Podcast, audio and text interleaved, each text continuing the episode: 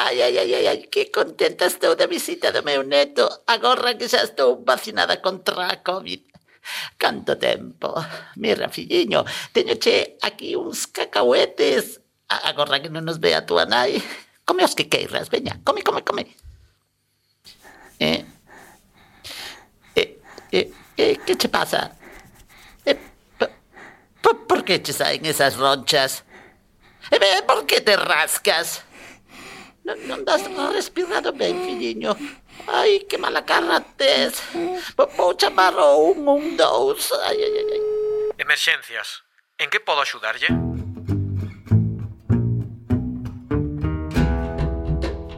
A alerxia é unha resposta exagerada do corpo que ocorre cando unha persoa especialmente sensible a unha sustancia entra en contacto con ela. Esta reacción pode ter varios niveis de gravidade. Por tanto, nós chamámoslle anafilase cando é moi intensa, é moi grave e incluso pode poñer en risco a vida dunha persoa. Saber por se acaso. Unha centrifugación de efervesciencia en radio e podcast. Capítulo 2. Anafilaxe. Unha alerxia grave e inmediata.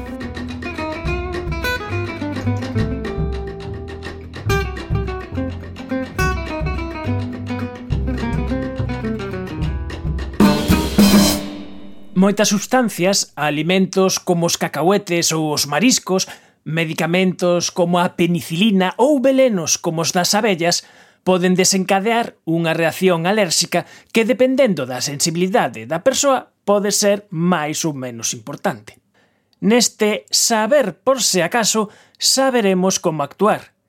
En Galicia sempre fomos de bo comer e de facer boas celebracións coas comidas, bodas, comuñóns, e temos a percepción de que nunca pasa nada. Pero cada vez vai sendo máis habitual atopar en calquera destas comidas a persoas que din seren alérxicos a estoutra cousa ou estoutro alimento. Que acontece aquí? Son uns requintados ou a verdade é que cada vez hai máis persoas alérxicas? Sempre houbo xente alérxica, pero sí parece que o seu número está a aumentar nos últimos anos. As razóns aínda non as sabemos con certeza. Os alimentos que causan alerxia con máis frecuencia varían segundo os países, os costumes e tamén dependen de cada persoa e da súa idade. Roberto Barcala, do Grupo de Investigación en Socorrismo Remos da Universidade de Vigo, investiga os mellores xeitos de adestrar a poboación en técnicas que poden salvar vidas. As guías da Sociedade Española de Alergoloxía indican que os alimentos xeradores de reacción alérxica poden variar segundo a zona xeográfica, sen embargo, o máis común son o leite, os frutos secos e o peixe. Segundo as idades, destacan nos adultos as froitas, os froitos secos, marisco e peixe, e nos nenos o ovo, o leite, froitos secos e tamén peixe. Algúns son coincidentes e outros varían un pouco. A alerxia grave, que coñecemos como reacción anafiláctica, produce uns síntomas que aparecen rápido, e vanse sumando de forma progresiva. Antonio Rodríguez é catedrático de Pediatría da Universidade de Santiago, onde lidera o grupo de urxencias Simulación e Innovación Docente. O primeiro pode ser o proído intenso e a aparición de ronchas na pel, con inflamación dos beizos ou as pálpebras. Despois, pode haber vómitos, pero cando a cousa é preocupante é cando aparece a dificultade para respirar, parecida a un ataque de asma, que vai seguida de malestar xeral, mareos, debilidade, ata unha baixada brusca da tensión e mesmo a pérdida da conciencia. Por iso, é necesario actuar de inmediato cando vexamos unha reacción deste tipo. Aínda que, por sorte, ocorre moi poucas veces, algunha persoa ten falecido por non ter sido atendida a tempo e do modo debido. Estes casos semellan ser graves, pero son frecuentes? Como dicimos, se ven as alerxias son moi frecuentes e todos coñecemos alguén que as ten, as reaccións anafilácticas graves ocorren poucas veces. Aínda que cada vez se atenden mellor, segue habendo casos que reaccionan moi graves e precisan atención urxente e hospitalización. Hoxe en día, as persoas alérxicas coñecen ben o seu problema, saben o que teñen que facer, aténdense rápido e aténdense ben. Pero ainda así, o risco para a vida existe, Igual vos contar o caso do neno alérxico ao ovo que comeu un bocata de tortilla nunha excursión ou o apicultor que lle picou unha abella unha abella das nosas, non unha velutina que é unha avispa, unha abella das nosas. Pois nestes casos tamén pode aparecer a reacción anafiláxica. Podemos facer algo para previr isto? É posible evitar esta clase de reaccións alérxicas? A única maneira de evitar que ocorra unha reacción alérxica é evitando o contacto coa sustancia a que somos alérxicos, aínda que sexa nunha cantidade minúscula. Ollo, que a alerxia non precisa unha cantidade mínima de cacahuete, de fresa, de ovo para que se produza. Cando a reacción xa se desencadeou, é esencial darse conta o antes posible e actuar. Iso saben o ben os nenos e os seus pais, que son informados e adestrados polo pediatra, para darse conta e tratar eles mesmos de inmediato a anafilaxe, no momento e no lugar onde aconteza. Pero calquera persoa debería tamén saber que facer ante un caso así. En especial os educadores e mestres, xa dende a escola infantil.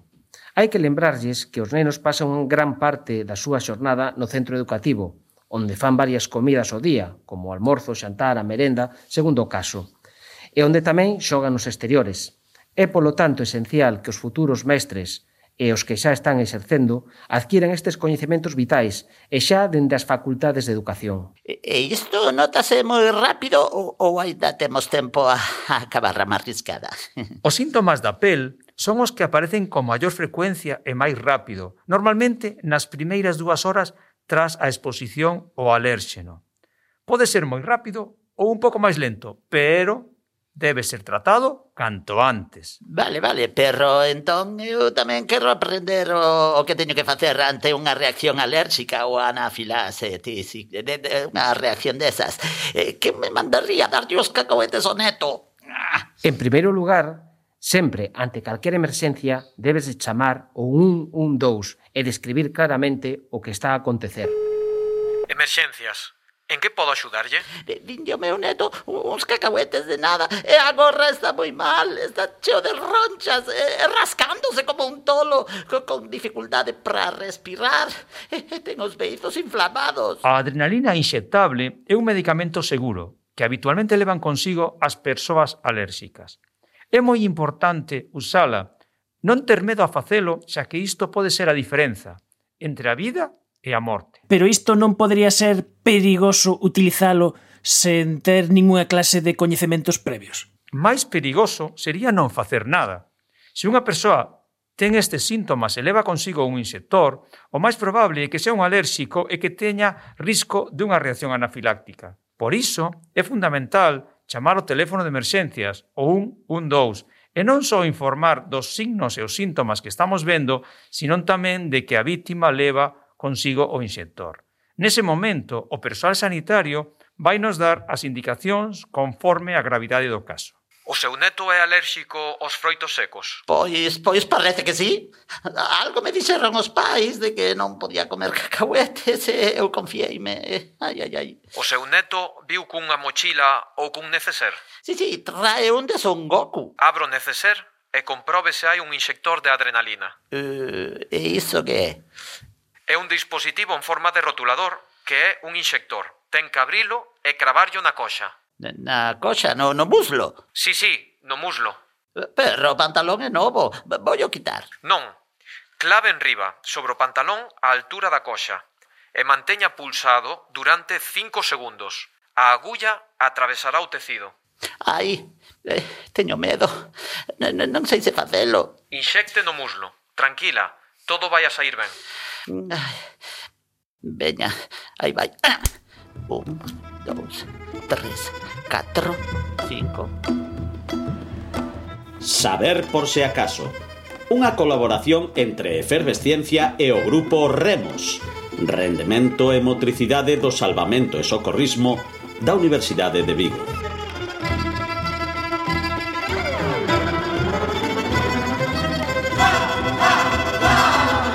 Neste segundo saber por se acaso interviron Roberto Barcala, Antonio Rodríguez e máis Felipe Fernández no papel de operador do 112.